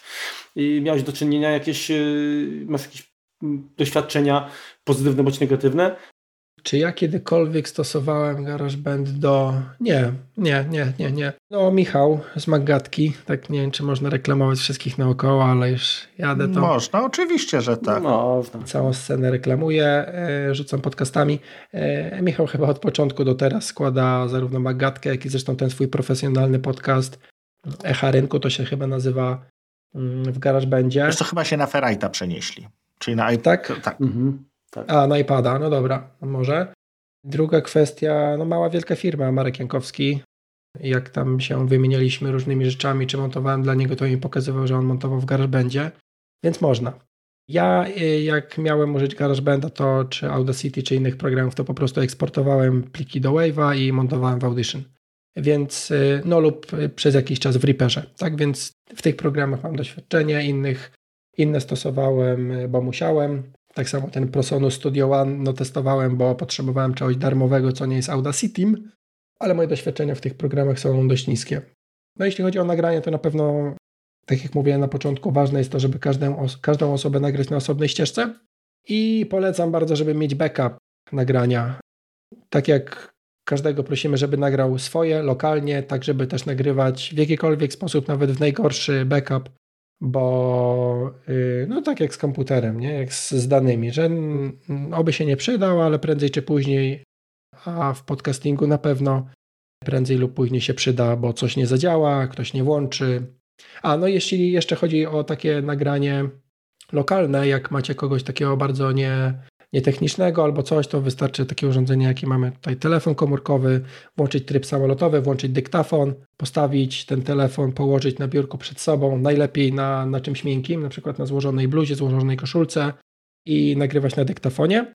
E, przy czym warto zwrócić temu naszemu gościowi uwagę, aby nie bawił się długopisem, na przykład nie włączał, wyłączał, żeby nie klikał w stół paznokciami albo nie szurał nawet rękoma po, po stole, bo no szura po powierzchni, która jest bezpośrednio jakby złączona z tym telefonem, więc a telefony bardzo są czułe, mhm. więc po prostu to będzie bardzo, bardzo mocno słychać na tym nagraniu na telefonie. Mm, no, ale to, to, to chyba tylko jeśli to chyba tyle, jeśli chodzi o właśnie nagrywanie. A czym nagrywa ścieżkę, czy generalnie backup? Bo to rynku zdaje się audio hijackiem, prawda? Tak. Mhm. Oprócz tego, że nagrywam swoją ścieżkę, to nagrywam jeszcze e, jakby wspólnie to co, to, co do mnie przychodzi, czyli to, co ze Skype'a wychodzi, również nagrywam. Do, przy czym to MP3, tak? To już nie jest tam jakoś wysoka mhm. jakość. No tak, no backup, tak jak się spotyka z kimś na jakiejś platformie, tak, czy to będzie E, znaczy na jakiejkolwiek platformie, no to można nagrać audio hijackiem, ale są też rozwiązania i to też można darmowe znaleźć do stricte do podcastingu, na przykład Zencast mhm. E, czy CleanFeed. Jakby tutaj mm, może nie we wszystkich rozwiązaniach siebie widzimy, w sensie swojej twarzy, co akurat jest fajne i, i pomaga w rozmowie, E, no ale mamy jakby dodatkowe fajne nagranie, nie? Natomiast jeśli chcemy też widzieć kogoś, no to Zoom, Skype z jakimś rekorderem, no każde z tych, nie wiem, czy Teamsy też mają jakieś takie możliwości nagrywania. Też. Mhm. Ale no myślę, że sporo z tych platform, gdzie w czasie pandemii poznaliśmy je wszystkie, to. Oj tak. to, to, to, to można tam nagrywać. No, Zoom jest takim przykładem bardzo mocno rozpowszechnionym. Dla dwóch osób są darmowe rozmowy bez limitu czasowego, chyba wciąż, więc żeby jakieś po prostu nagranie było, nie? Mam nadzieję, że nie będziemy z niego korzystać, ale żeby jakieś nagranie było. No, tutaj akurat mówię w przypadku rozmów online, no ale w przypadku rozmów na żywo, no to też różnie, różnie bywa, bo um, mamy powiedzmy ten setup z komputerem czy z rejestratorem, tak? No i ten rejestrator też tam może nam się wyłączyć. Ja miałem taką sytuację, kiedy miałem y, rejestrator wpięty do powerbanka, bo tak go zasilałem. one mają swoje baterie, ale wolę, żeby główny jakby power leciał z powerbanka, bo na dłużej wystarcza. No i coś tam z gniazdem od powerbanka nie zadziałało, baterie akurat miałem już słabe, no i mi się wyłączył ten mhm. Rejestrator. W trakcie nagrania to zauważyłem, odpaliłem go od nowa, ale jakby chciałem kontynuować rozmowę, a to był jeden nie wiem, dwóch chyba odcinków, które puszczałem również live na YouTubie. Aha. Live na Facebooku, więc skorzystałem jakby z tego dodatkowego nagrania na, z Facebooka, które było dramatycznej jakości. Telefon w ogóle gdzieś był bardzo daleko ustawiony, żeby nas było widać. Nie wiem, czy ci ludzie w ogóle tam się skarżyli, że nic nie słyszeli, więc ogólnie to było źle zrobione, ale, ale dzięki temu miałem, miałem ten backup, nie? Jasne. A normalnie miałbym backup z kamery i z mikrofonu e, kierunkowego Roda skierowanego w naszą stronę, ale y, mikrofon miałem wpięty, natomiast to jest model, który jeszcze trzeba pstryczkiem włączyć, e, więc aparat nie rejestrował żadnego dźwięku, bo miał w mini jacka włożone coś, natomiast to coś nie przekazywało sygnału, więc mój backup umarł, znaczy go nie było, mhm. bo po prostu no, aparat, nie zarejestrował dźwięku, więc stąd jeszcze przypadkowo trafił mi się drugi backup z telefonu, z live'a na Facebooku.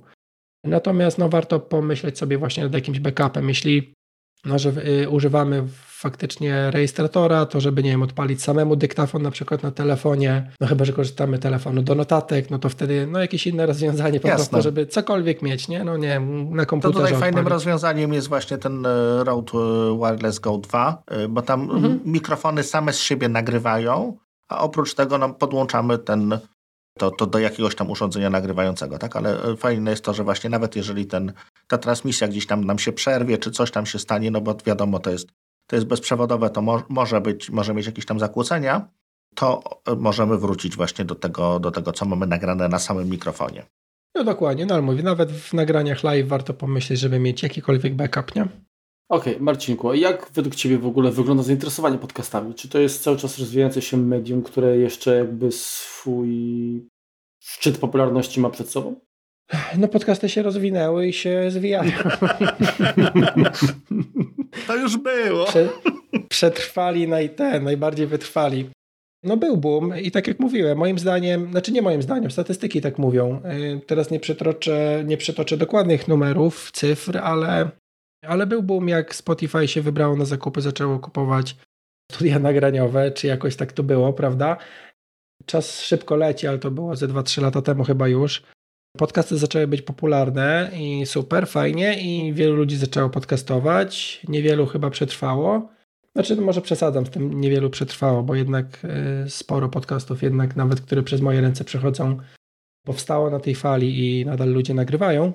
Więc podcasty mają się dobrze, ale z drugiej strony trochę jakby teraz się, się trochę definicje pozmieniały, bo nie ma już y, talk show, tylko są podcasty, tak? Jeśli chodzi o scenę internetową, że kiedyś ludzie rozmawiali i nagrywali jakieś wywiady na YouTubie, rozmowy, imitowali talk show czy jakieś programy mhm.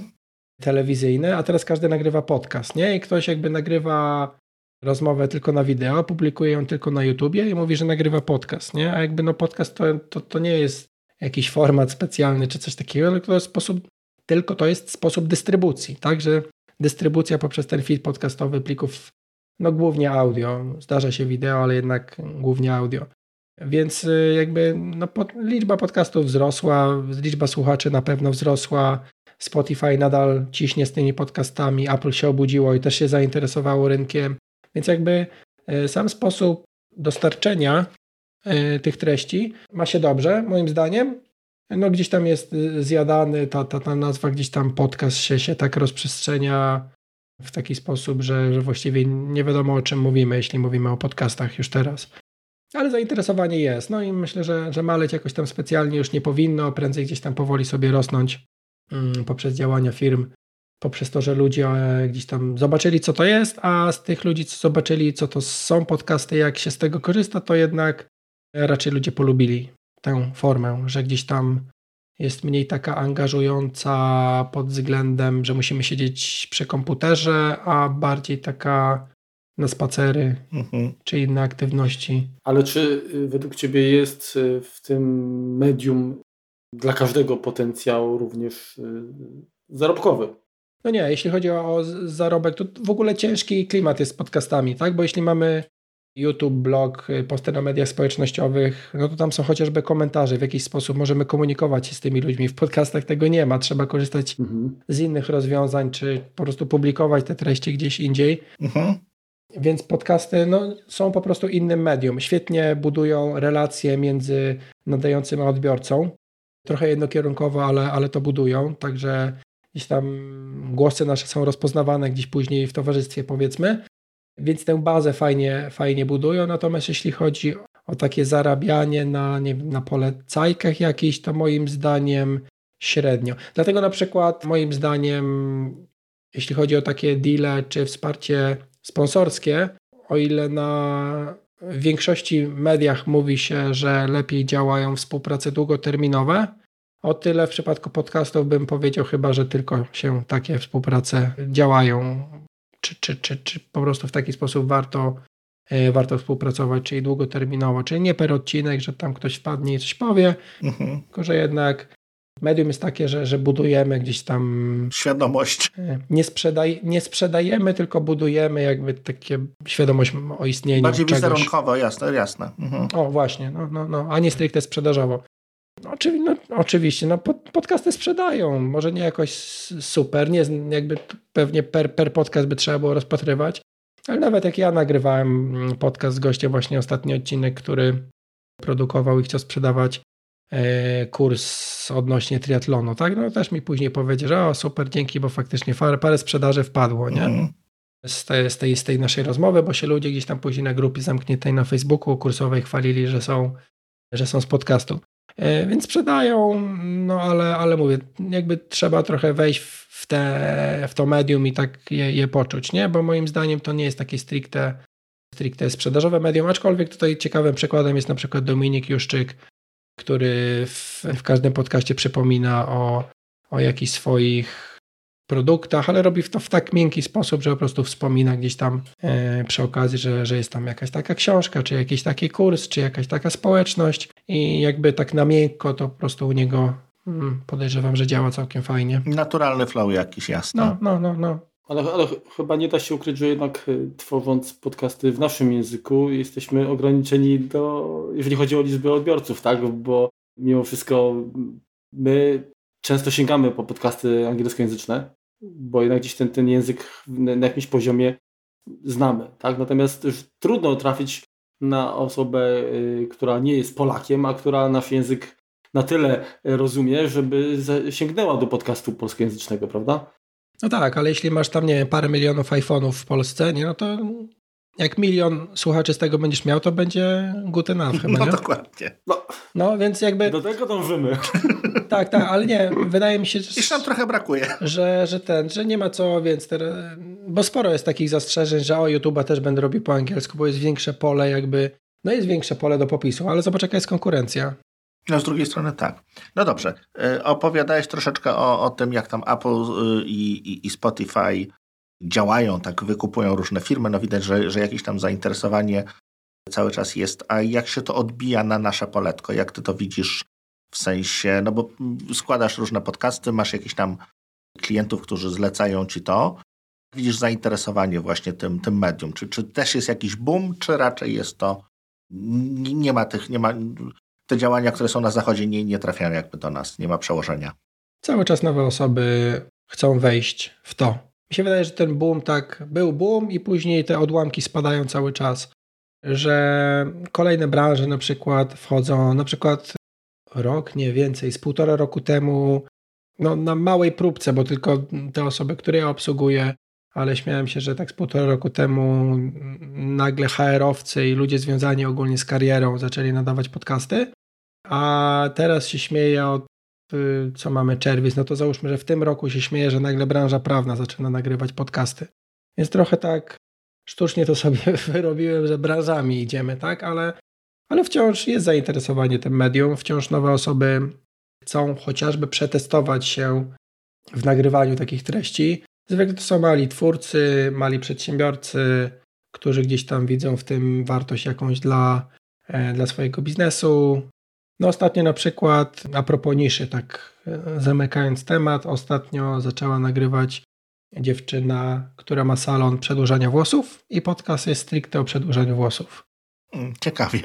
Tak, no wiesz, jakby jak totalnie jako osoba, która włosów nie ma na głowie, a przynajmniej stara się, żeby ich nie było, to tak sobie myślisz, wiesz, na ile odcinków wystarczy kontentu, nie? Ale później jak słuchasz tego, to się okazuje, że tam no każdą, w każdy temat można jakby wejść i go tak zdetalizować, że Trzeba po prostu dzielić włos na czworo. że, że, że no dokładnie. Że w każdej nauce jest jakby obszerna wiedza, którą można się dzielić. Ale no myślę, że ten, ten, ten rynek ma się dobrze, ale, ale trzeba go zrozumieć, bo on nie jest jakiś super najlepszy do, do wszystkiego. O tak. Czyli jakby może tak jest fajnie, natomiast nie nagrywajcie podcastów, żeby zarobić, tak? A czy to zależy, trzeba się zastanowić, co jest, co chcemy osiągnąć, nie? Bo jeśli mamy x godzin poświęcić na podcast, X, a x godzin poświęcić na, na YouTube, na YouTubie dużo jest zalet związanych z komentarzami, z algorytmem, z tym, że ludzie łatwiej nas znajdą. No tak. Ten mechanizm polecający całkiem fajnie działa, wbrew pozorom. Tak, tak, tak. Ale jeśli chcemy jakąś relację mieć, żeby ludzie nas bardziej posłuchali, niż tylko widzieli, przełączyli dalej przez przypadek, to może jednak tu w podcast lepiej uderzyć.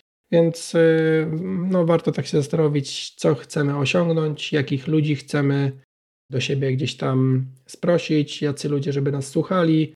To taka trochę rozmowa radio czy podcast, nie? Lepiej w radio, bo masz więcej odbiorców, tylko że jakby no, nadajesz podcast o, o, o tym, jak kłady scalone produkować, nie? A, a w radiu słuchają ciebie ci, którzy akurat o tym, akurat o tym przedłużaniu włosów by chcieli akurat posłuchać, nie? No tak. Bo słuchają cię wszyscy. Więc no, mm, różne media, Mhm. różne zupełnie jakby, różnie, różne dotarcie do odbiorców, Jasne. nie wiem jak to powiedzieć. To wiesz co, to może jeszcze na koniec takie, takie, takie pytanko. Myślisz, że tak jak na przykład, nie wiem, nasz kompot, czy jakiś taki podcast typowo gadany, warto wrzucać na YouTube'a w ogóle jako, jako dźwięk plus tam jakaś tam graficzka? Tak. Tak? Hmm. Krótka odpowiedź, tak, tak, tak. No jakby jest jakaś dodatkowa możliwość, aby ktoś cię zobaczył Mhm. i pomyśleć, czy chce, żeby ten człowiek został na YouTubie, czy żeby jednak jako pod- Przemigrować go do podcastu. przemigrować dokładnie. Więc no to kwestia później tego, co się ma pojawić na początku w tym opisie, nie? Jasne. tudzież jakieś zaproszenie, nawet stricte na koniec odcinka, czy gdziekolwiek tak naprawdę, że no nie wiem, chwalisz się, że nagrywamy na YouTubie, jak tam słuchasz, to zapraszamy do apki, podcast, do apki podcastowej, Mhm. e, więc ogólnie tak, ale warto migrować gdzieś tam indziej, nie? Tak jak, y, wiesz, czy warto prowadzić fanpage, tak, ale warto migrować do listy mailingowej na przykład, nie? Jasne. Żeby mieć ich u siebie, tych słuchaczy. Bo jednak podcast, jak masz kogoś zasubskrybowane, zasubskrybowanego do swojego feeda, to masz go u siebie, nie? Bo ten feed ty obsługujesz, ty nim zarządzasz, Dokładnie. a, a na YouTubie cię mogą usunąć i elo. Dobrze. Dobrze, to myślę, że, że wyczerpaliśmy chyba temat. No na pewno nie, ale, ale coś tam ktoś się dowiedział, mam nadzieję. No tak, jeżeli będziecie mieli dodatkowe pytania, jak najbardziej y, zadawajcie, prześlemy je, czy, czy to zrobimy jakiś suplement, jeżeli będzie duże zainteresowanie. Na koniec zwykle będzie quick tip, jak to, jak to u nas. Będzie quick tip stosunkowo krótki, y, dotyczący oczywiście naszego sponsora Synology. Pewnie wielu z Was przy upgrade'zie do DSM 7 miało problem z Plexem, ponieważ zmieniła się dość mocno struktura uprawnień. Tak jest trochę bezpieczniej, pakiety nie mają już są bardziej sandboxowane, o może tak. Troszkę, troszkę Synology idzie tak w tą samą stronę co Apple, więc jeśli, jeśli po prostu po upgrade'zie nie będzie działał Wam Plex, trzeba go przeinstalować i zmienić uprawnienia takie, żeby, żeby użytkownik systemowy Plexa miał dostęp do katalogu Plexa, bo domyślnie tego nie ma. I potem działa wszystko pięknie. To jakby tak z moich ostatnich doświadczeń mogę się czymś takim podzielić. Dobrze, to, to, to tyle. Powiedz Marcinie, gdzie Cię można znaleźć, jeżeli kogoś zainteresowała kwestia podcastów, jak się z Tobą skontaktować? Trzy miejsca, wtedy bym polecił. Jedne, jedno miejsce to jest marcinhinzy.pl, czyli taki mój domek y, dla kwestii zawodowych, czyli kwestii czy audio, czy kwestii wideo, jakieś streamingi. Mhm, to dodamy do opisu na pewno. To jest jedna kwestia. E, No i tam jest na pewno też mail wpisany, więc jak ktoś by chciał coś napisać do mnie, to zapraszam. Druga rzecz to jest szkoła podcastu bez polskich fontów szkolapodcastu.pl. Tam się tak naprawdę można głównie zapisać na mój mailing odnośnie podcastingu, który ostatnio zaniedbałem, bo chcę go trochę przebudować, żeby był bardziej użyteczny dla odbiorców. No i można też tam kurs sobie zobaczyć, jaki mam odnośnie podcastingu.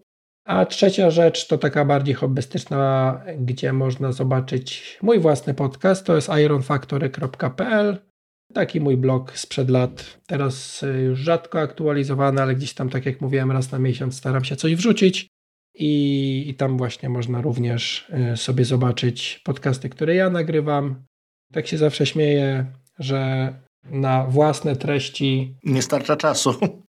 wszystko takie jolo, dobra, tam nie musi być dobre audio, nie musi być dobre wideo, trzeba, nie musi być, wiesz, tam widoczny jakiś ładny widoczek z tyłu, tylko nagrywamy i, i będzie fajnie, że i tak najważniejsza jest rozmowa, ale myślę, że jakby i tak przez jakieś tam moje zawodowe zboczenia, to i tak tam można się chwalić tymi, tymi własnymi podcastami, przynajmniej od strony technicznej i no a widzowie też mówią, że od strony merytorycznej jest fajnie, więc, mm, więc polecam też ironfactory.pl No co, bardzo dziękujemy Tobie i, Dziękujemy. słuchaczom. Po raz kolejny. Poleca, polecamy się na przyszłość. I no i co, i zapraszamy za tydzień. Trzymajcie się. Na razie. Cześć. Do zobaczenia, czy właściwie do usłyszenia. Cześć. Dzięki wielkie, cześć. Cześć Marcin.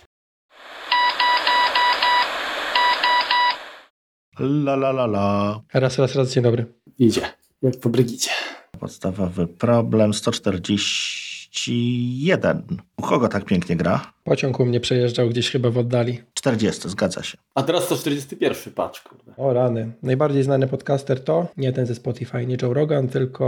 O, no to teraz właśnie zapomniałem, ale jest taki gość. Sam feed RRS, RS-owy, RRS, sam feed RRS. Mhm. No i, i tego. I co chciałem powiedzieć? Tylko ja to i tak, i tak, i tak powycinam. I kwadrans o, powiedzmy, od, od, od czasu, od czasu trwania, trwania Dobrze. To tak drążyliśmy... Nie, teraz ty Marek, bo ja ostatnio pytałem Solę. A ty Remko robiłeś za DJ-a? Bo tak jakbyś kurde skraczował płytą. tak, tak było.